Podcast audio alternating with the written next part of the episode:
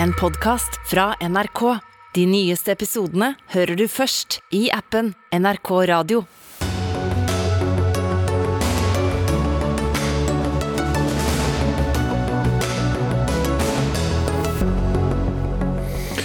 Store markedssvingninger forut for at den amerikanske sentralbanken skal heve rentene. Men hvorfor virker alle så overrasket over at historisk lave renter skal opp?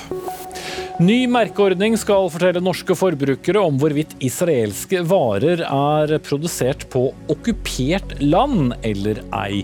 Det er å gå altfor langt, ifølge Fremskrittspartiet. Hva kommer Medietilsynet å gjøre med NRK, som nå atter en gang ikke når målet om 25% nynorsk på alle plattformer? Og har pride blitt til kulturkrig? Det mener i alle fall kommentatoren i Aftenposten. Mens skeptikere ja, de mener det begynner å bli vanskeligere å være nettopp skeptiske. Da sier vi eh, riktig god kveld og velkommen til eh, Dagsnytt 18 på årets 24. onsdag. Jeg heter eh, Espen Aas.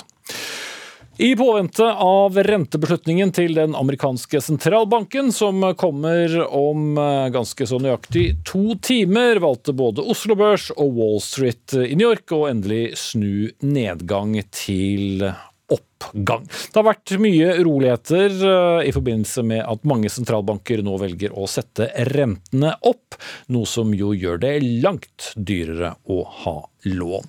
Vi starter i USA, vi og deg, korrespondent eh, Tove Bjørgaas. Eh, hvis vi starter med den amerikanske økonomien, hvordan opplever den jevne amerikaner den for tiden? Jeg var ute og snakka med en del folk på gata her i Washington i, går, og de opplever situasjonen som ganske dramatisk. Jeg står utenfor sentralbanken her nå hvor de har møte, rentemøte akkurat nå, og det er mange som følger med på dette møtet i dag. Folk sier at de er urolige for at disse prisene skal komme ut av kontroll. Nå har altså prisstigningen vært på over 8 eh, tre måneder på rad, to-tre måneder på rad. Eh, og det som sentralbanken her kan gjøre, er å sette opp renta for å stagge denne prisveksten. Det er folk veldig opptatt av at eh, de må gjøre, for de er rett og slett redde for at situasjonen skal komme ut av kontroll. Eh, det er mange her som har store lån, akkurat som i Norge, men det er også veldig mange som har blitt litt flinkere til å spare. Eh, og folk lever nok litt mer fra hånd til munn her, så derfor merker de de høye prisene veldig godt. Og Hvor mye oppmerksomhet har da dette rentemøtet som akkurat nå pågår, fått i amerikanske medier de siste dagene, Tove? Veldig mye. For børsene har jo stupt eh, i, i, mange dager nå eh, og tatt igjen alt det de har tjent inn eh, så langt i år. Og det man tror er jo at sentralbanken her vil sette opp renta med 0,75% Det har ikke skjedd siden 1994. Så det er en historisk stor oppgang. Noen har til og med ment at man bør sette den opp med en hel prosent. Det er jo veldig veldig mye. Vi er vant til 0,5-0,50, og det gjør at dette møtet får stor oppmerksomhet. Og, det har jo selvfølgelig også stor, stor betydning for alle som har eh, aksjer i dette landet. Det er jo veldig, veldig mange som, som også sparer i, i, aksjemarkedet og også eh, i obligasjonsmarkedet. Også obligasjonsrentene vil jo da eh, gå opp. Og så har sentralbanksjef Jerome Powell hatt møter med bl.a. president Joe Biden. For et annet spørsmål er jo hvilke politiske følger kombinasjonen av stigende priser og nå også stigende renter kan få.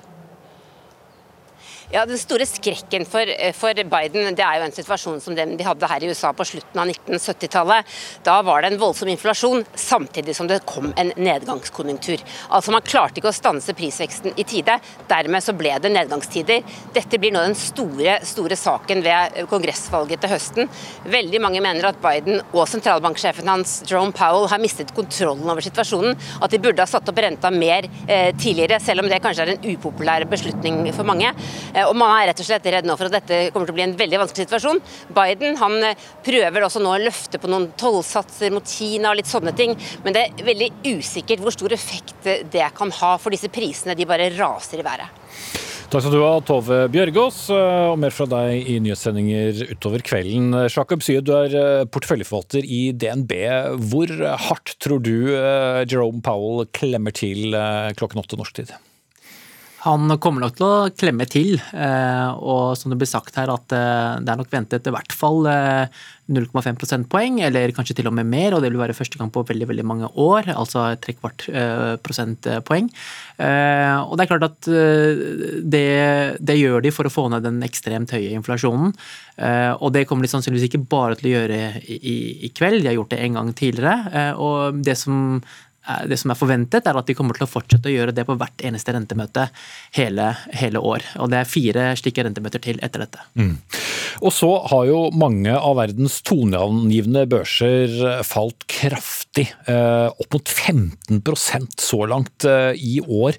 I dag hadde også den europeiske sentralbanken hastinnkalt til, til et møte. Flere land har jo også høy statsgjeld. Hvilke følger kan disse hyppige renteoppgangene få nå for eh, rett og slett flere lands økonomier? Ja, det er klart. Renter betyr jo eh, økt gjeldskostnad. Eh, så, de landene som har høy gjeld, de vil klart merke det. Eh, men når det er sagt, så må vi huske på litt hvor vi kommer fra, ikke bli helt fartsblinde. fordi at eh, allerede før pandemien så var rentene lave. Eh, og under pandemien så blir det enda lavere, naturlig nok. Man måtte stimulere økonomien. Så når i gåsetegn pandemien er over, at man begynner å normalisere rentene, ikke minst fordi at inflasjonen har galoppert, det skulle nesten bare mangle.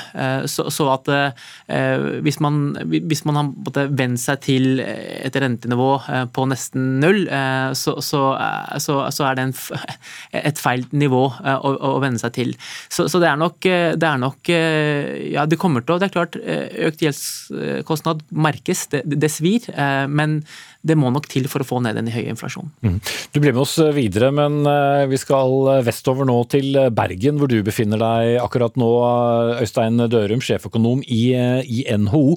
Du presenterte tidligere i dag utsikter for både norsk og internasjonal økonomi, der du sa at dere nå tror på en eh, enda høyere eh, boliglånsrente enn det Norges Bank foreløpig har eh, antydet. Hvorfor det? Nei, Det handler om mange av de samme kreftene som gjør seg gjeldende i, i, USA, og for den del over hele verden. Det er knapphet på varer, det er knapphet på transportkapasitet, det er knapphet på folk, det er knapphet på, på innsatsvarer. Det var en eh, krevende situasjon før Russland gikk inn i Ukraina, og det er blitt en enda mer krevende situasjon etter dette. Her hjemme så har vi den høyeste prisveksten siden 1988. Eh, mye av det skyldes energipriser, og mye av det skyldes forhold utenfor Norges Banks herredømme og utenfor Norges grenser osv. Men vi ser også at den underliggende prisveksten er på vei opp. Vi har, ligger an til den høyeste lønnsveksten i Norge siden 2013. 2013. Vi ser at våre medlemsbedrifter de eh, melder om eh, ekstremt høy kostnadsvekst, at det truer bunnlinjen, at de vil også sette opp prisene. Og eh, prispresset er blitt større eh, siden Norges Bank la fram sin forrige pengepolitiske rapport. Det har også presset i arbeidsmarkedet. Med 1,7% arbeidsledighet så har vi den laveste arbeidsledigheten i Norge siden sommeren 2008. Over halvparten av medlemsbedriftene våre mangler eh, kvalifisert eh, arbeidskraft. Sånn at eh, det er liten tvil om at norsk økonomi nå er på, og kanskje til og med over kokepunktet. Og da er det ikke riktig å ha så lave renter, unormalt lave renter i Norge lenger. Og vi tror eh, ikke bare at renten settes opp eh, neste uke, men også at rentebanen heves. Med andre ord at de varsler enda flere rentehevinger som kommer i tiden. Fordi også Norges Bank vil være overrasket over, vil ha blitt overrasket over eh, presset i arbeidsmarkedet og de høye prisstigningsratene. Mm. Syed, man kan jo, som jeg sa helt innledningsvis, begynne å lure litt på hvorfor tilsynelatende markedene blir så urolig og kanskje da overrasket over at uh, historisk lave renter uh, skal opp. Alle har jo visst at vi kan jo ikke ha så lave renter over lang tid. Likevel ser det ut til å bre seg en slags eh, panikk, særlig i, i aksjemarkedene. Vel, Godt spørsmål. Det, det, henger jo delvis sammen med hvor vi har vært. Altså, Vi kommer jo fra en periode hvor rentene har vært eksepsjonelt lave, og da har ø, aksjekursene steget veldig veldig mye. slik at verdsettelsen, det vi kaller altså prisene, har blitt veldig dyre i aksjemarkedet.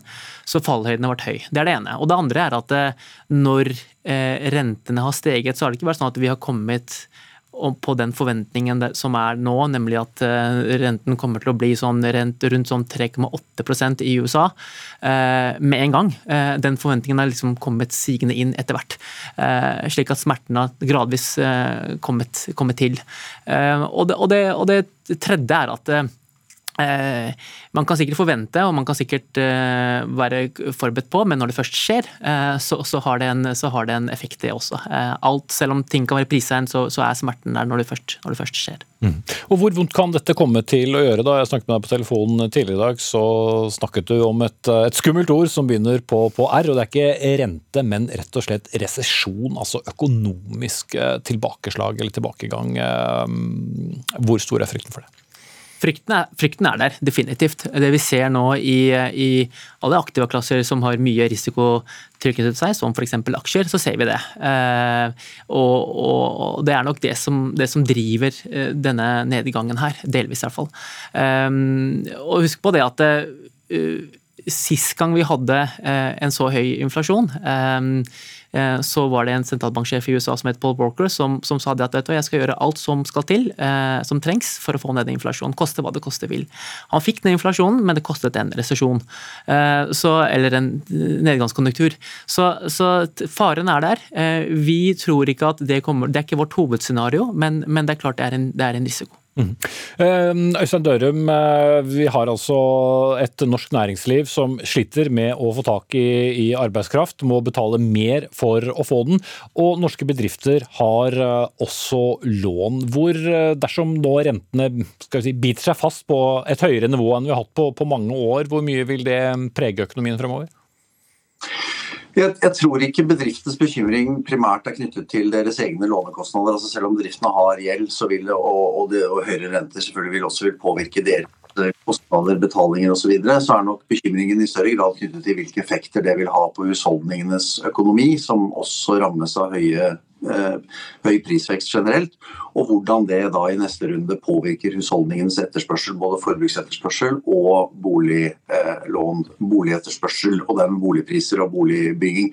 Og så har jeg lyst til å si til dette med diskusjonen om, om, om renteforventninger, at, at rentene da, Ja, det har vært ventet at rentene skulle komme opp, bevege seg i retning normalisering og sånn, men det vi opplever nå er helt eh, ekstremt eh, på inflasjonssiden og på, på rentesettingssiden. Det at man i det hele tatt diskuterer om det skal være rentehevinger på en halv prosentnett eller, eller tre kvart prosentnett til USA, forteller ganske klart at uh, her er sentralbanken bakpå.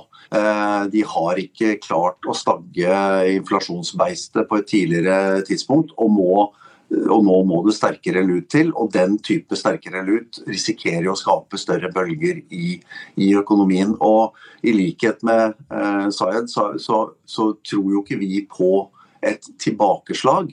Men et tilbakeslag kan komme både som en konsekvens av at de høye den høye kostnadsveksten, den høye prisveksten, rammer kjøpekraft og etterspørsel, og fordi sentralbankene enten bommer på doseringen. Eh, jf. diskusjonen om hvor mye de skal heve nå, eller, ehm, eller eh, blir tvunget til å ta i så mye at man kveler økonomien for å få prisveksten ned. Nå ligger, vi, ligger man i USA på 80-tallet, som Bjørgaas sa. Eh, det er fire ganger høyere enn der målet ligger.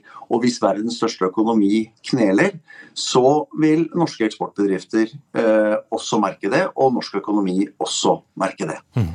2022, et eh, år som kan eh, skrive seg inn i økonomihistorie pga. Eh, mye, altså. Takk til Øystein Dørum, sjeføkonom i NHO, og Shakib Sayed, porteføljeforvalter i DNB, og også med oss fra USA, vår korrespondent Tove Bjørgaas.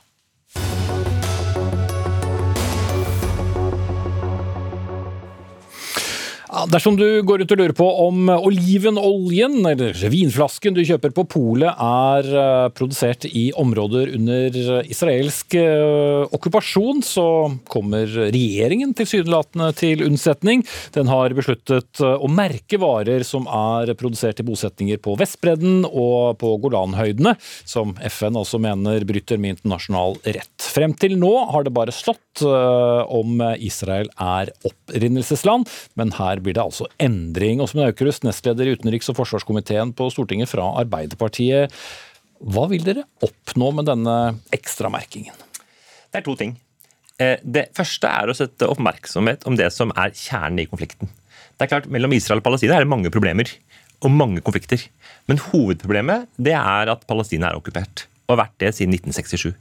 Det er klart, det ønsker vi å ha mer oppmerksomhet om nå. Eh, og Derfor så går vi inn for den merkeordninga. Mm, det andre vi gjør, er at vi da ønsker at forbrukerne skal ha muligheten til å opplyste valg.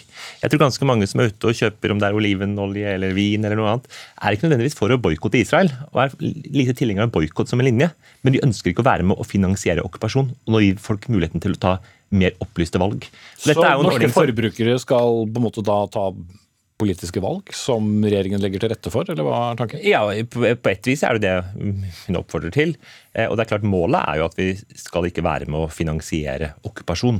Og dette er jo ikke noe som bare Norge gjør alene. Tvert imot, det er veldig mange andre europeiske land som gjør det. Det er vel nærmere 15 land som allerede har innført denne merkeordninga. Dette kom jo etter en EU-domstol i 2019 som oppfordra til å gjøre dette. Som mente at dette her var å være med å finansiere okkupasjon. og Det ønsker ikke å være med. og Da er det på tide at Norge slutter seg til en lang rekke andre europeiske land, bl.a. alle de andre nordiske landene. Mm. Tror du folk flest kommer til å velge å sjekke så nøye om hvorvidt det står Israel eller fra okkuperte områder, eller kanskje de velger noe helt annet?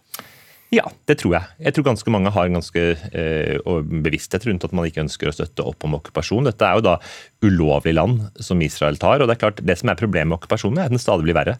At det blir nye bosetninger som gjør at drømmen om en palestinsk stat, som Norge har stått i bresjen for i mange år, kommer lenger og lenger unna å være en virkelighet. Så det er klart, eh, Når vi får på disse merkene, så er det også en måte å få mer politisk oppmerksomhet rundt det. Og det er klart, Dette er også et veldig sterkt politisk signal fra Norge. Himanshu Gulati, stortingsrepresentant fra Fremskrittspartiet, men også leder for Israels venner på, på Stortinget. Dere syns ikke det er noe godt eh, tiltak, men hvis eh, folk flest skal få lov til å bestemme dette helt selv, hva er galt med det? I utgangspunktet er det jo positivt at forbrukerne får mest mulig opplysninger om de varene de kjøper. Men det jeg frykter, og grunnen for at vi går imot, er at vi føler ikke det er det dette handler om. Vi føler dette handler om en anti-israelsk linje, en boikottlinje, som vi ser på stadig mer av, av uh, venstresiden. Fordi det er over 150 territoriale konflikter i verden. Uh, og, og, hvorfor er det kun Israel man går etter? Man kan snakke om Nord-Kypros og, og, Tyrkia, man kan snakke om Armenia, Aserbajdsjan. Det er mange steder man kunne ha inkludert hvis man først skal begynne å, å merke Eh, eh, varer fra kontroversielle områder, eller områder i konflikt. Men her er det kun Israel man går etter. Men, men hvis vi forholder oss til nettopp det med, med, med, Israel, da. Eh, det å gjøre et skille, så kan du velge om du syns ok, jeg kan godt, godt kjøpe olivenolje eller appelsiner hva som helst som er, er, produsert i Israel, men jeg ønsker ikke å, å, kjøpe noe som da er produsert i det som FN betegner som okkuperte områder. Hvis vi skal merke ting på den måten, så bør det være en prinsipiell linje som gjelder alle områder. Jeg tror dette handler mer om å vise en antiselsk linje enn noe annet og jeg tror ikke det er tilfeldig at det kommer nå heller. Forrige uke så vedtok regjeringens største valgkampfinansiør en resolusjon mot Israel, som er noe av det mest ensidige jeg noen gang har, eh, har lest. Kaller Midtøsten eneste demokrati for apartheid. Men, men, men, men jeg, jeg, tror det er det det handler om. Det handler om å, å, en, en, linje som er lite konstruktiv eh, for å løse en konflikt, fremfor å ta en prinsipiell tilnærming til merking av varer fra alle verdensområder. Ja, hvor, hvorfor denne veldig oppdattheten rundt nettopp Israel? Dette er jo ikke noe nytt. Dette har Arbeiderpartiet ment i åtte år dessverre blitt nedstemt i Stortinget eh, fra høyrepartiene. Jeg mener at Frp her tar helt feil. Dette er jo ikke, jeg mener Det er Frp som er helt uprinsipielle.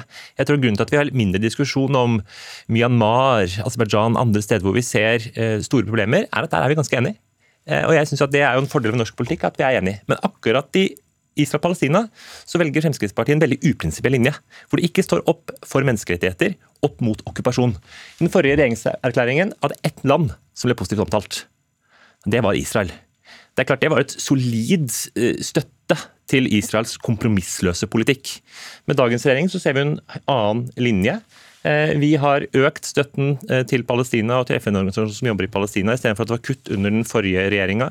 Da Norge leda Sikkerhetsrådet, så hadde vi Palestina-saken som en av to saker som utenriksministeren okay, hadde det, det, det, det store bildet, da. Også, og nå ser vi også da at vi tar initiativ som vi gjør på lik linje med veldig mange andre land. Mm. Mener Frp at det er anti-israelsk når Tyskland, Østerrike, Sveits, Storbritannia, eh, Sverige, Danmark Ok, nå glad for svaret. Ja, altså, vi kan gjerne ta en diskusjon om merking for alle land, men jeg merker meg at det er ett land regjeringen forholder seg til, og det er mange EU-land som Men det handler jo om da brudd på internasjonal rett, så hvorfor er det så rart? Det, det, det, andre her er jo at eh, jeg tror denne eh, merkingen, eh, eller generelt boikott for den saks skyld, ikke bidrar til det man ønsker å oppnå. Jeg har selv hatt gleden av å besøke både palestinske områder og Israel mer enn ti ganger, og i mange av disse bosettingene er det jo nettopp palestinere som jobber. F.eks. Mali Adumim, hvor det er mer enn 5000 palestinske arbeidere som daglig jobber og produserer disse varene, og, og som vil vil eh, rammes eh, eh, dersom de mister disse arbeidsplassene, varer ikke kjøpes. Og det, det, så man jo også når SodaStream ble presset ut av Vestbredden, at det var flere hundre palestinere som mistet sitt daglige brød. Dette er ikke riktig. Dette er jo et krav fra det palestinske lokalsamfunn. Fagforeningene, sivilsamfunn, applauderer denne avgjørelsen. Palestinas statsminister gikk ut i helga og kalte dette en historisk viktig avgjørelse. Så det er klart, dette er et viktig steg. og Jeg er enig med deg at boikott av Israel er, en, er ikke en god linje å gå på. Det er ikke regjeringas politikk. Men alternativet til boikott av Israel er jo å si at vi er motstander av det som er problemet. Problemet er ikke at Israel handler med andre land, problemet er at Israel handler med ulovlige land. og Det er det vi ønsker å bli kvitt. Okay, men noen mener også at ikke dere går langt nok. Uh, Line Katib, du er leder for Palestinakomiteen i, i Norge. Dere kaller det bare et skritt i, i riktig retning. Hvorfor det?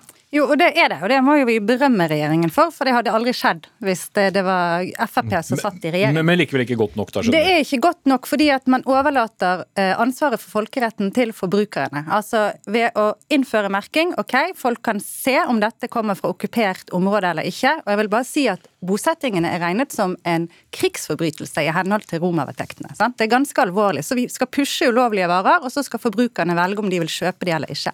Det som FNs spesialrapportør anbefaler, han var her i vår og snakket med Aukrust og norske myndigheter, det er jo et forbud mot disse varene. Vi skal ikke ta inn varer som er produsert på okkuperte områder. Tenk at vi skulle nå tatt inn varer fra Donbas eller andre okkuperte områder i Ukraina, og så bare merket de med at de er produsert på okkuperte områder, så skal folk få velge sjøl om de skal kjøpe de eller ikke.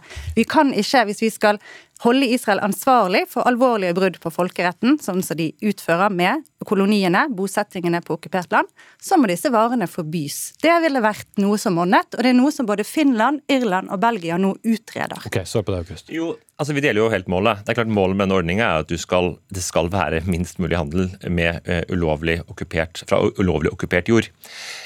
Så tenker jeg at eh, det som er markering er at det også har en positiv effekt. At det faktisk sender et ganske kraftig signaleffekt. Og at folk blir mer bevisst på hva som er kjernen i problemet. Så Det er jo på en måte en veldig positiv ting med merking. Mm. Det andre er at eh, kraften i dette er at dette gjør vi ikke alene. Vi gjør det sammen med veldig mange andre europeiske land. Jo, men Utfordringen hennes var jo snarere hvorfor ikke dere da jo, gikk lenger. Vi, nå gjør vi den samme ordninga som det er veldig mange andre europeiske land som gjør. Men går ikke like langt som landet hun nevnte, da? Nei, det er vel, så vidt jeg vet, er det ingen andre land som har innført det. som ble, De har utreda det. utreda det. EU-dommen kom i 2019. Mm. Da begynte EU å skulle merke, fordi forbrukerne skal vite hvor og hvordan varene vi kjøper er produsert. Det som er Utfordringen er at det har ikke virket etter hensikten. De har gjort en undersøkelse. F.eks. kun én av ti viner som faktisk kom fra okkupert område, var merket for at de kom fra en bosetting. Men du mener at Norge her skal lede an? Jeg mener at Norge, sammen med disse europeiske landene som nå allerede har begynt å De har prøvd merkeordning, ser at det ikke funker. Derved utreder de muligheten for et lovforbud. Og det er ikke en boikott, det er å følge opp vårt folkerettslige ansvar om å ikke støtte okkupasjon. Som sagt så er det jo, jeg synes det er gode argumenter for at merkeordning også kan være vel så effektivt. og Vi vet at dette er noe som mange andre land allerede har gjort. og her mener jeg at Norge, Noe av styrken med dette er at vi gjør dette sammen med andre, og ikke alene. Jeg tror alenegang kan ganske lite for seg i, i, denne saken, men nå gjør vi dette sammen med andre land. og Vi får gjerne, gjerne gjøre nye utredninger etter hvert, men nå gjør vi et viktig tiltak. men hva ville problemet være da med å, å, å forby akkurat disse varene? Altså, Utfordringen er at jeg tror at kraften i dette ligger i at vi gjør det sammen med andre. Og jeg tror at det, det, gjelder jo i og for seg veldig mye internasjonal politikk. Det samme ser vi jo nå med Ukrainas-spørsmålet. Kraften ligger i at vi gjør det sammen med mange andre land. Og dette er det altså da 15 land som har gjort. Utfordringen i spørsmålet er hvorfor har vi ikke gjort dette før? Jeg tror det hadde veldig vært viktig at vi hadde gjort dette tidligere, gjort det sammen med de andre.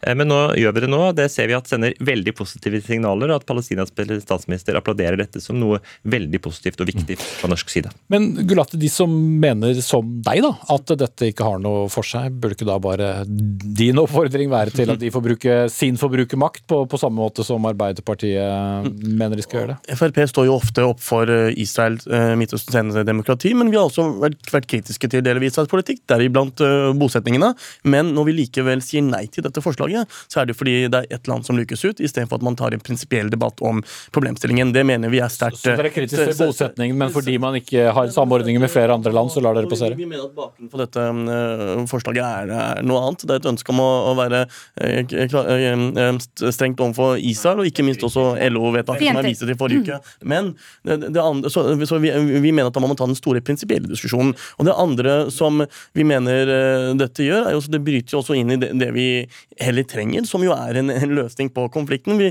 vet jo at uh, palestinerne også har, har godtatt prinsippet om, om landbytte inn i en eventuelt eh, løsning. Vi bør heller ha steg som bidrar til forsoning og, og, fred, og støtte okay. forhandlingene. En, Katib og så Aukrust, hvis dere er korte. Jeg vil bare si en ting, for det er ikke, helt, det er ikke riktig at Norge singler Israel ut. Norge gir Israel særbehandling. Vi har et sanksjonsregime mot 26 land i verden fordi de bryter internasjonal lov, bryter folkeretten. Israel har aldri blitt sanksjonert for det. Et forbud mot bosettervarer er heller ingen sanksjon. Det er å følge opp våre internasjonale forpliktelser. Og Hvis du virkelig mener at de koloniene, bosettingene, som stadig utvides De har nettopp godkjent å bygge 4000 nye. De skal fordrive 2000 palestinere sør for Hebron fordi de skal utvide eh, koloniene sine. Da er det eneste riktige virkemidlet å faktisk sette ned foten og si nei, dere kan ikke fortsette å bryte internasjonal lov. Og Det er også det FNs spesialutsending anbefaler. Ok, det har du nevnt. Det er de som uh, sier det ut i Israel, det er det Fremskrittspartiet som gjør. Uh, som hadde det som det eneste landet som ble positivt omtalt til den forrige regjeringserklæringa. Uh, da det var krig på Gaza, var Fremskrittspartiet ute og applauderte krigen og støtta opp om den. Jeg har lyst til å spørre deg, Himan Gulati. Nei, det får du ikke tid til, for da er du på vei inn i en debatt som handler om noe annet. Men jeg, ja, men jeg bestemmer, for tiden er ute ute. Åsmund Aukrust, leder av utenriks- og forsvarskomiteen. Dere har brukt deres tilmålte tolv minutter. Line Kati fra Palestina-komiteen og Himanshu Gulati fra Fremskrittspartiet. Og så blir det altså opp til forbrukerne i denne omgang.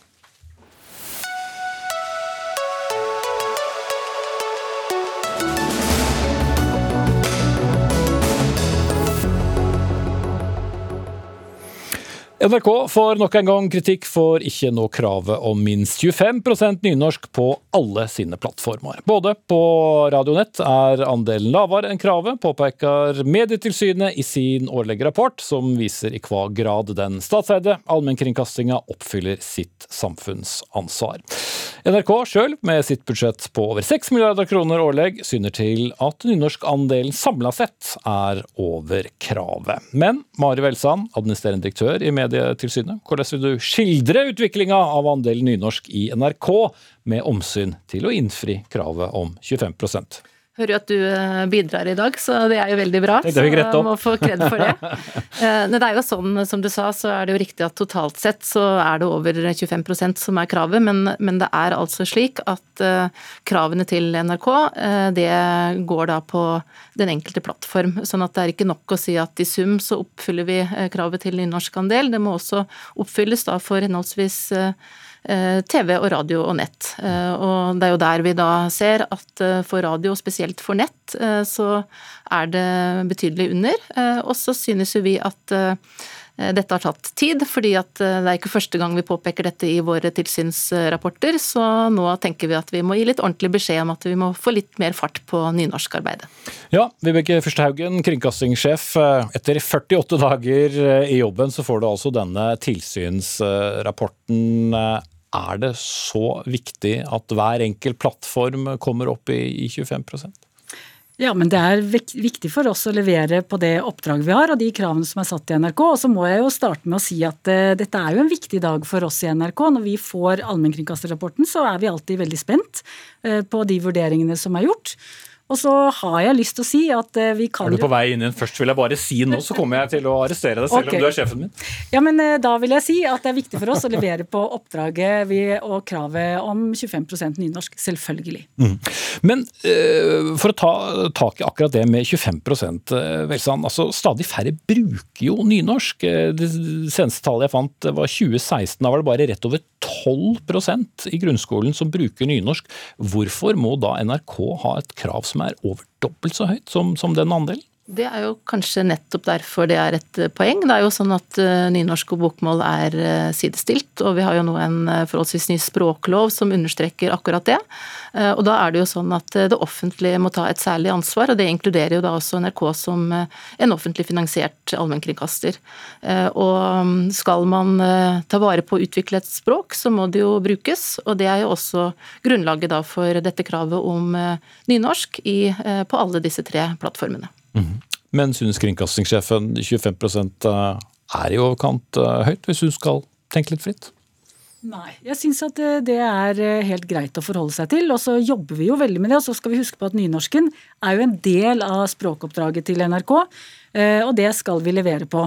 Men så har vi jo også de tre samiske språkene kvensk, romani, romanes, tegnspråk osv. Så, videre. så vi jobber jo med språket hele tiden. Det er veldig viktig for oss å jobbe godt med språk. Eh, Og så har vi gjort eh, mye for å komme opp i 25% og samlet sett så kan man si at vi har klart det, men det er helt riktig at det er på P2, på P3 og nrk.no så er vi ikke der, og det må vi gjøre noe med. Der må vi bli bedre. Vi syns jo kanskje at eh, særlig på nett da, det er verdt å stoppe litt opp ved det, for der eh, har det jo tatt tid. Vi har jo sett en liten utvikling, men hvis vi går fem år tilbake, så eh, var det på omtrent 16% og så er vi nå i overkant av av 18 eller nesten 19% Eh, Sånn at utviklingen går jo i riktig retning, kan man vel si. Men, men for sent, da, hvis jeg forstår dere riktig. Og så Men tenker jeg bare litt til om nett, fordi jeg tenker at, eh, at på radio og TV kan man jo si at eh, ja, om du snakker det ene eller det andre, eller nynorsk eller bokmål, så vil det være avgjørende for hvordan du snakker på, på radio. Men akkurat på nett så tenker jeg at der må det kunne gå an eh, å si at en journalist må kunne skrive både på bokmål og på nynorsk, og at det sånn sett bør være enklere å få til en raskere utvikling på, på nett.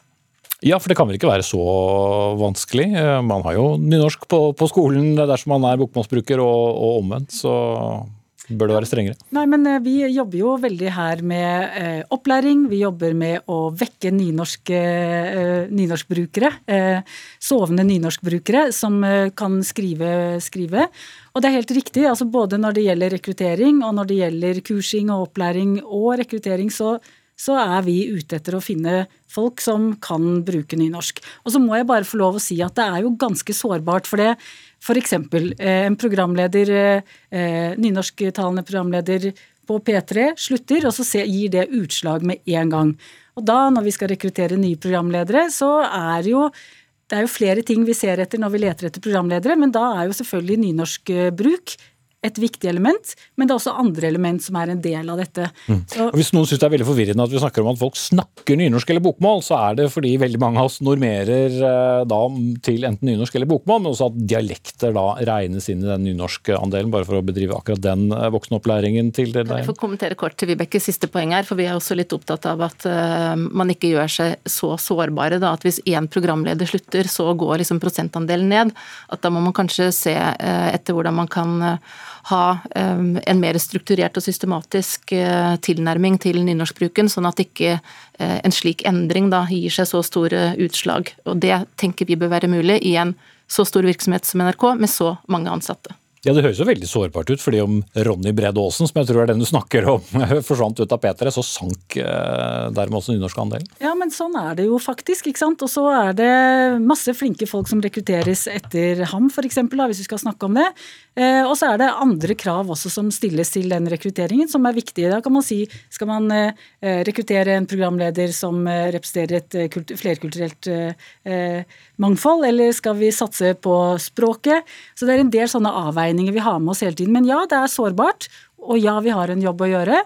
Eh, og vi har en rekke tiltak som er satt i gang, og som vi skal fortsette med. Så eh, dette, dette skal vi bli bedre på. Men Velstand, jeg lurer også litt på, og sikkert mange der hjemme også, hvor, hvor streng kan dere være? Altså, kan, kan dere nærmest straffe NRK på, på, på noe vis for at de år etter år da ikke når det som, som dere mener de skal nå? Nei, vi har jo ingen sanksjonsmuligheter i forhold til NRK. Vi avleverer jo vår rapport til um, Kulturdepartementet. Det er jo kulturministeren som er uh, generalforsamling for eh, NRK, eh, så da er jo den videre dialogen om dette eh, der. Men det er viktig for oss å si fra. Vi har jo påpekt dette gjennom våre tilsyn og gjennom flere år. og vi forstår jo og hører jo at NRK er enige og aksepterer kravet og jobber for å nå det, men så syns vi altså at dette har fortatt for lang tid. Så derfor har vi nå bedt om en mer konkret handlingsplan for å håper at det kan sette enda mer fart da i eh, arbeidet med nynorsken.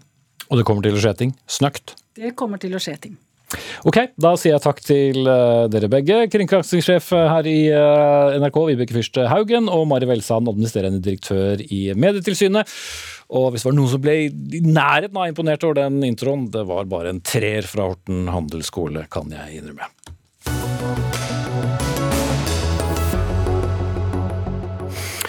Senere i sendingen, smittetallene stiger igjen. Hvordan blir koronasommeren 2022, eller skal vi fortsatt snakke om sommeren 2022? Folkehelseinstituttets direktør Camilla Stoltenberg er gjest her om noen minutter. Men først om forskning eller snarere forskere og forskningsartikler, for en av våre neste gjester mener vi har for mye av begge.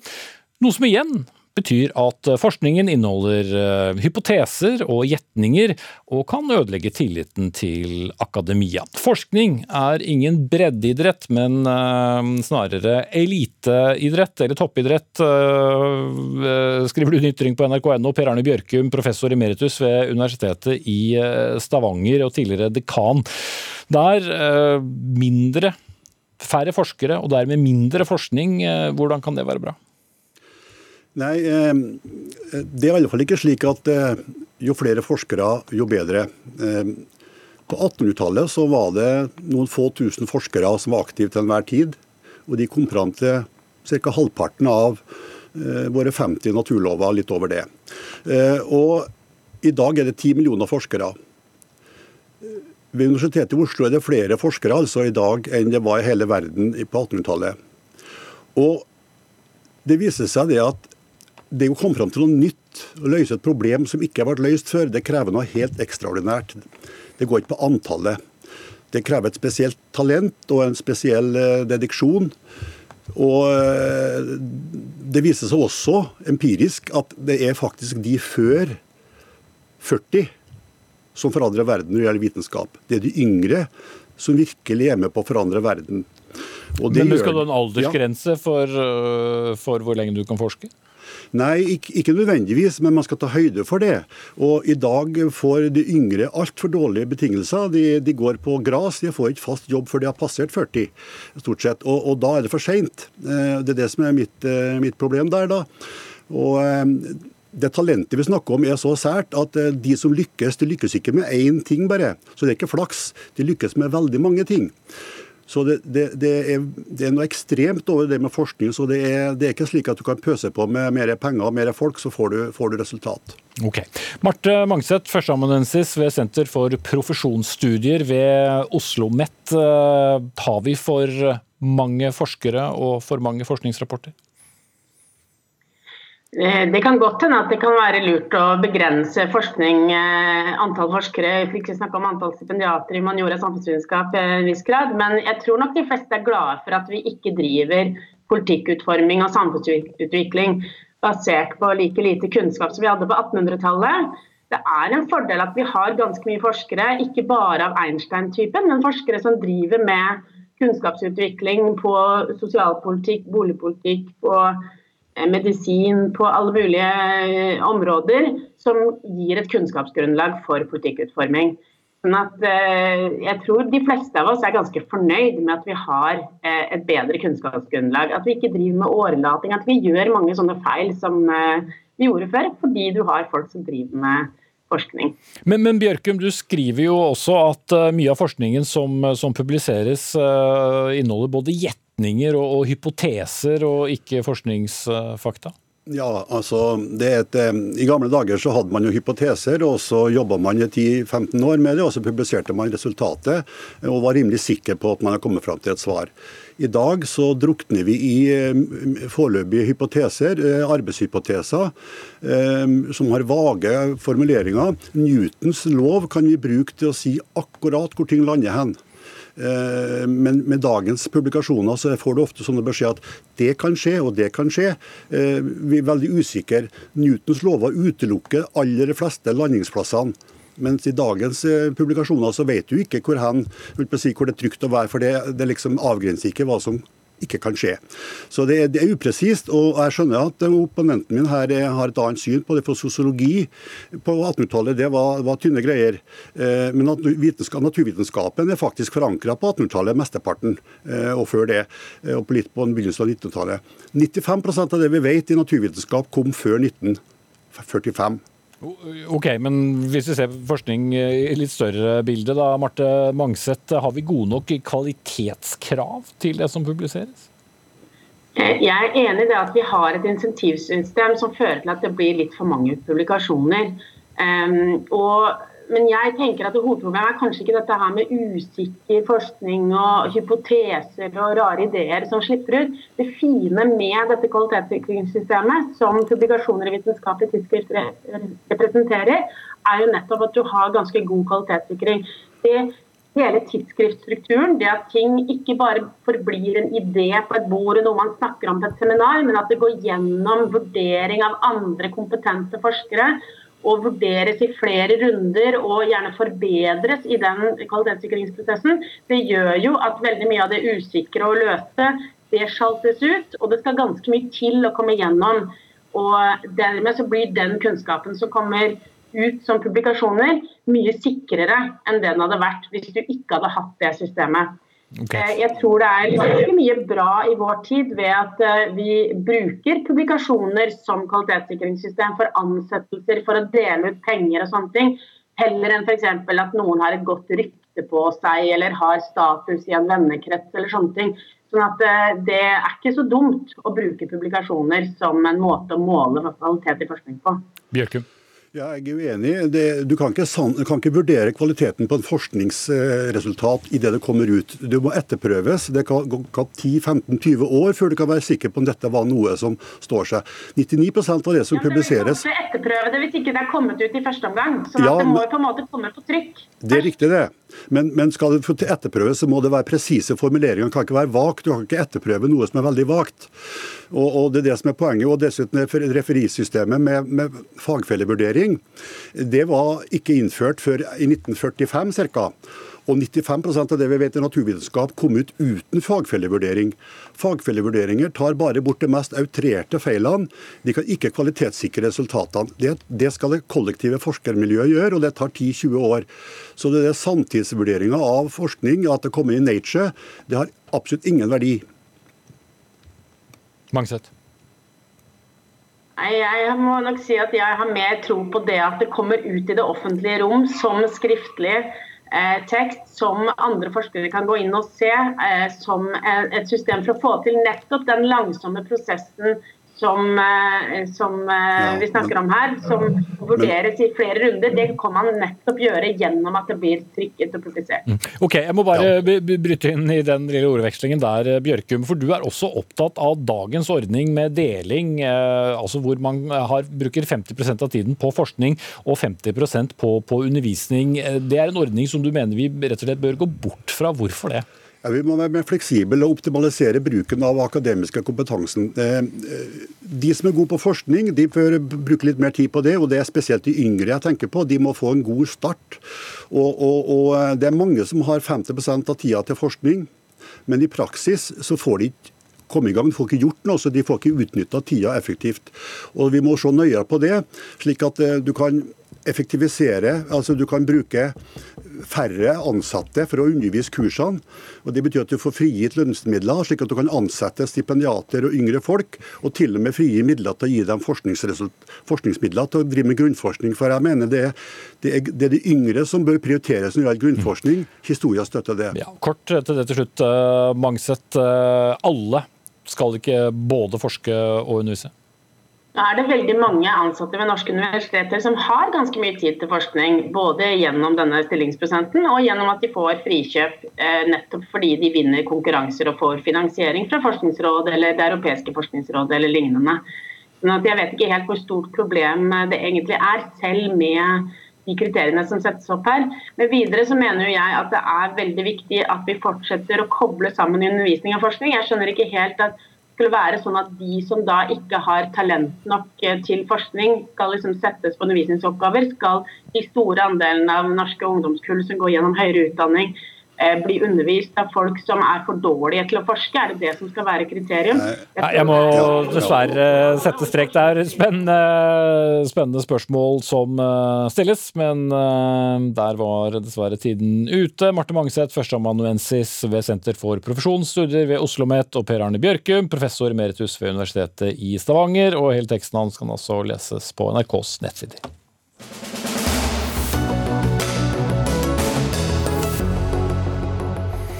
Nei, skulle vi snakket litt om eh, korona da, mon tro? Det har jo vært en sjeldenhet også i dette studio siden restriksjonene ble opphevet 12.2.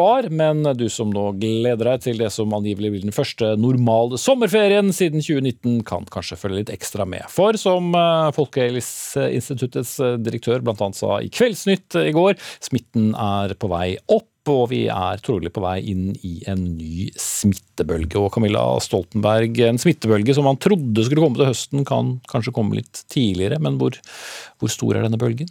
Det vet vi ikke. Det kan hende at den ikke blir så stor. Eh, og en grunn til at den kanskje ikke blir så stor, er at den nye varianten som nå smitter mer, altså BA5, som er en undervariant av omikron, den ligner mye på den varianten vi ble smittet av i våres, altså februar-mars og det betyr at vi kanskje har bedre beskyttelse mot den enn det de har hatt i Portugal f.eks., der de har hatt en stor bølge med den nå nettopp. Mm. For smittetallene er på vei opp i Norge, men de er også på vei opp i, i både europeiske og, og andre land nå? Ja, det er de, men vi er jo mye mer opptatt av innleggelsene, og det er egentlig det som gjør at vi nå har eh, sagt fra om at det er en økning, fordi det har vært en økning i innleggelser. Eh, så I forrige uke var 125 i løpet av uka, i hvert fall har talt opp så mange så langt. Og så var det to uker før det igjen 78. Så det er rundt 60% økning på to uker. Men tallet i seg selv er fortsatt lavt? De er fortsatt lave sammenlignet med det nivået vi var på på topp i våres, da vi ikke hadde noen uh, tiltak, altså strenge restriksjoner. Uh, da var det oppe i 500 per uke. Men eh, hvor god oversikt har vi nå egentlig lenger eh, på utbredelsen av, av korona i, i, Norge? For inntil rapporteringene nå, sammenlignet med for et uh, år tilbake, er jo to forskjellige verdener. Det er mye vanskeligere å holde oversikt når ikke så mange tester seg, men det er jo god grunn til at ikke alle skal teste seg hele tiden, slik vi gjorde før. Og da mener jeg tester altså man går et sted og blir testet hos lege eller på teststasjon. Og Det betyr jo at vi må finne andre kilder, og det har vi jobbet med. Så Nå har vi f.eks. nylig, i tillegg til at det er intervjuer av mange mennesker om de har hatt symptomer, om de har testet seg positivt osv., så, videre, så har vi fått avløpsvannsresultater for første gang, som også viser en tydelig økning. Avløpsvannsresultatet, hva ligger i det? Nei, det betyr at i avløpsvannet så kan man finne virus, og hvis vi ser mer virus i avløpsvann, så eh, vil det være et tegn på at det øker. Og så kan man til og med da undersøke de virusvariantene i laboratoriet for å prøve å oppdage nye varianter. Det er ikke det vi har gjort nå. Det vi har gjort nå er rett og slett å se hvor mye er det. Og der ser vi også en økning. Men vi ser det også på smittetallene, selv om det nå er få som tester seg. Mm. Men uh, vi er altså på starten av, av sommeren. Uh, sommerferien starter jo, eller i hvert fall skoleferien starter nå på, på fredag. Uh, bør folk være forberedt på at besøk i, i, i, ferieland kan bli litt annerledes enn en det man har trodd, ut fra det tallmaterialet vi sitter på nå? Det er jo fortsatt sånn at det er lurt å undersøke hva situasjonen er i de landene man skal til. Og når det gjelder Norge, så vil vi melde fra om hvordan det går. Det er ingen alarm nå. Det er ikke noe som tyder på at vi, det vil være behov for noen strenge tiltak. Det ene tiltaket vi tenker på nå, det er vaksinasjon. En ny oppfriskningsdose. Så det vurderer vi da. Når bør vi sette i gang med det? Og det vet vi at mange andre land også gjør. Og Sverige f.eks. har besluttet at de skal sette i gang fra 1.9. Mens eh, vi har ikke besluttet når det skal skje. For her gjelder det å treffe sånn noenlunde på tid. Det bør ikke være for tidlig. Da kan effekten ha avtatt innen vi får en bølge. Og det er jo ikke sikkert dette er den bølgen vi regner med vil komme til høsten. Det kan hende at det kommer en større bølge nærmere jul, slik det har gjort de foregående årene, og at det er det som blir den viktige bølgen å møte med ny runde med vaksinasjon. Så dette er litt krevende avveininger. Men, men, men en fjerde, fjerde, dose, i hvert fall for, for enkelte, vil komme, men vi vet ikke helt når. Det er det du sier? Ja, det er det jeg sier. Mm. Og så er det jo for så vidt en oppfordring til de som ikke har tatt den tredje dosen om å vaksinere seg. For det vi ser er at de som nå innlegges, det er bl.a. en del eh, eldre, altså 75 år og oppover først og fremst, som bare har to doser, og der det er en stund siden de ble vaksinert. Fordi vaksinene avtar jo effekt, og særlig hos de som allerede har litt problemer med å få god effekt av vaksinene, som mange eh, eldre har. Mm.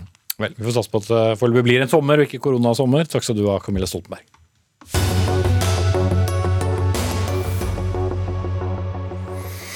I uh, ikke akkurat jungelen, men i hvert fall uh, i en måned der uh, fargesprakende flagg er å se mange steder i, i juni måned, fortsetter også debatten om pridefeiringen med uforminsket, for ikke å si tidvis tiltagende styrke. Noen mener f.eks. at noen få konservative kristne ødelegger debatten med påstander om at pridefeiringen er skadelig for samfunnet mens andre mener at det må vises mer forståelse for de gruppene som er eh, skeptiske. Og når pride blir kulturkrig, eh, ja det var overskriften på din kommentar i Aftenposten, Mina Haugen Eiland, hvor du er kommentator. Eh, hva slags kulturkrig?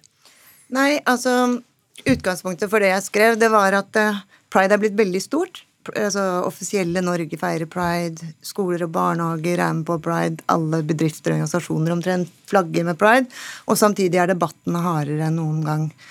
Og de debattene syns jeg det ser ut som går inn i en sånn større kulturkamp, eh, hvor kjønnsspørsmålet er veldig sentralt.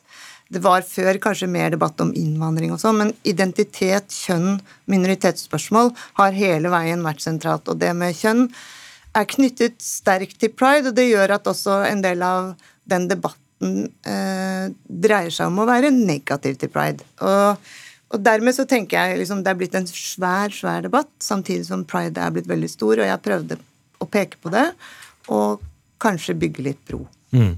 Ja, Du skriver jo bl.a. at vi må vise mer forståelse for de intolerante. Hva mener du med det? Hva slags ja, det var, forståelse? Det var kanskje en litt uheldig spissformulering. Jeg tenker mer på grupper som Vi har store religiøse minoriteter i Norge. Mange hundre tusen mennesker som er katolikker og muslimer. En del av de lever mer tradisjonelt og religiøst enn enn f.eks. meg, da, som har en bakgrunn som aktivist. Og de, de er en litt sånn stille minoritet i denne debatten.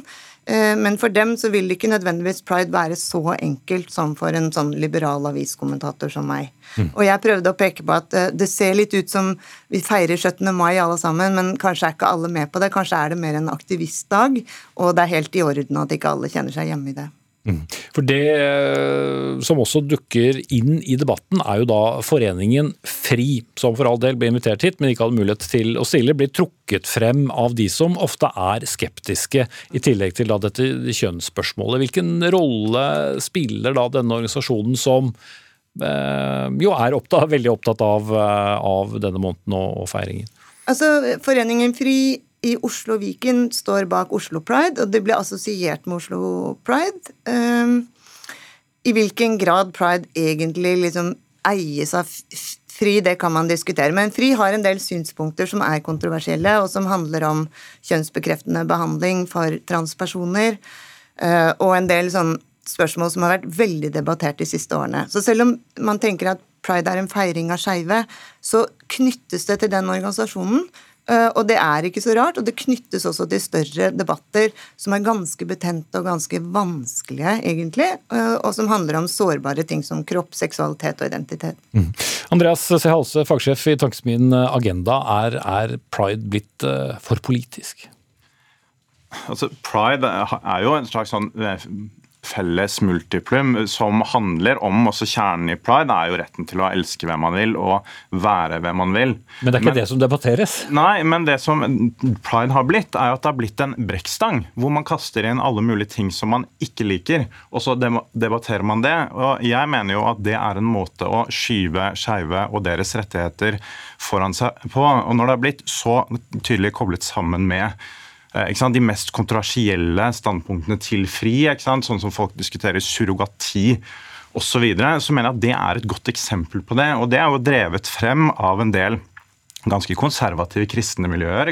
Aviser som Norge i dag, organisasjonen Mor, far, barn osv. som har pushet dette narrativet eh, ganske lenge, som nå begynner å ende ut i, i mainstreamen. Og Jeg syns det er helt greit å diskutere ikke sant? surrogati, diskutere gjerne det, diskutere gjerne sexkjøpsloven, men ikke skyv pride foran deg. Pride kan være, og burde være, og har langt på vei blitt, eh, en felles, egentlig en felles feiring av mangfold, av skeiv eh, kjærlighet også. Det er bra, og det er en styrke. at Det er ikke noe grunn til å problematisere det og late som at liksom det å gå i pride er å skrive under på hele prinsipprogrammet til organisasjonen FRI. Det er det ikke. På samme måte som du trenger ikke å være enig i hele handlingsprogrammet til eh, Turistforeningen for å overnatte i en hytte på fjellet. Mm.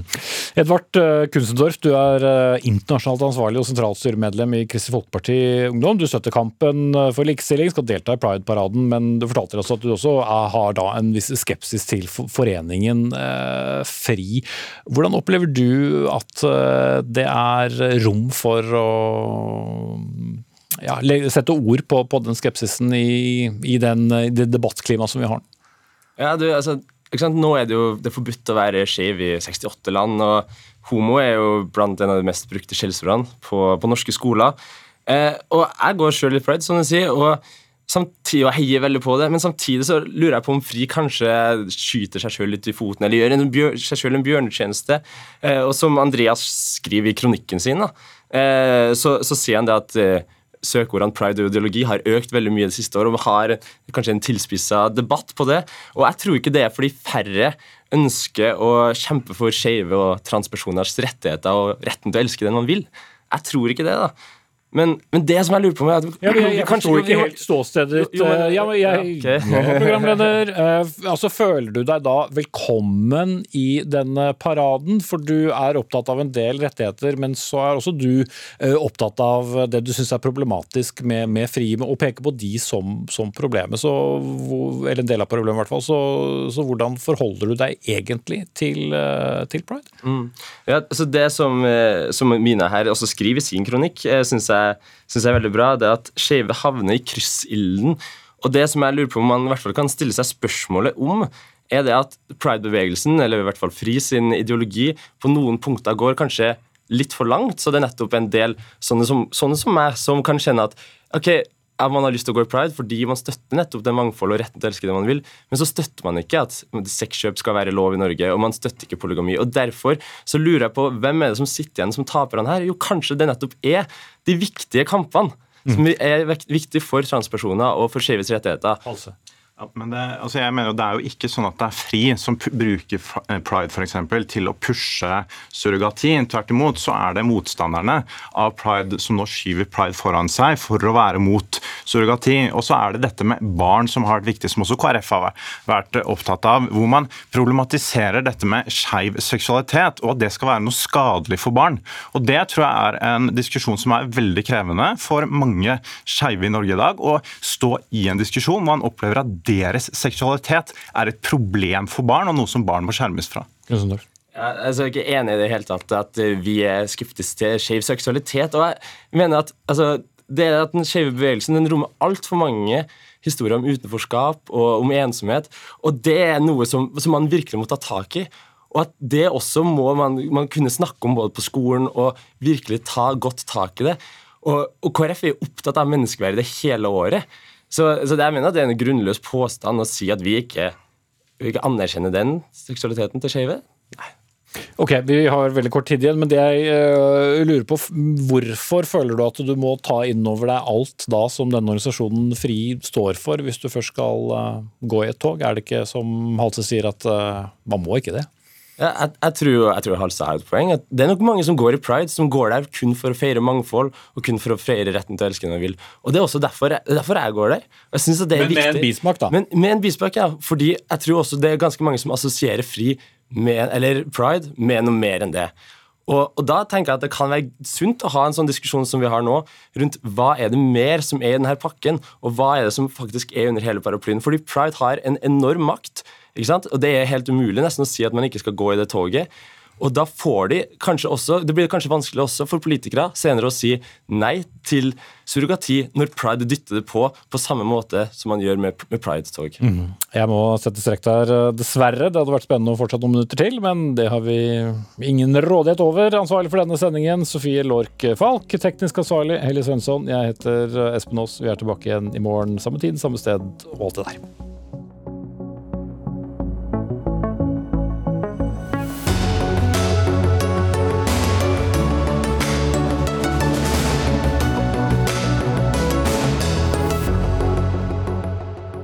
Du har hørt en podkast fra NRK.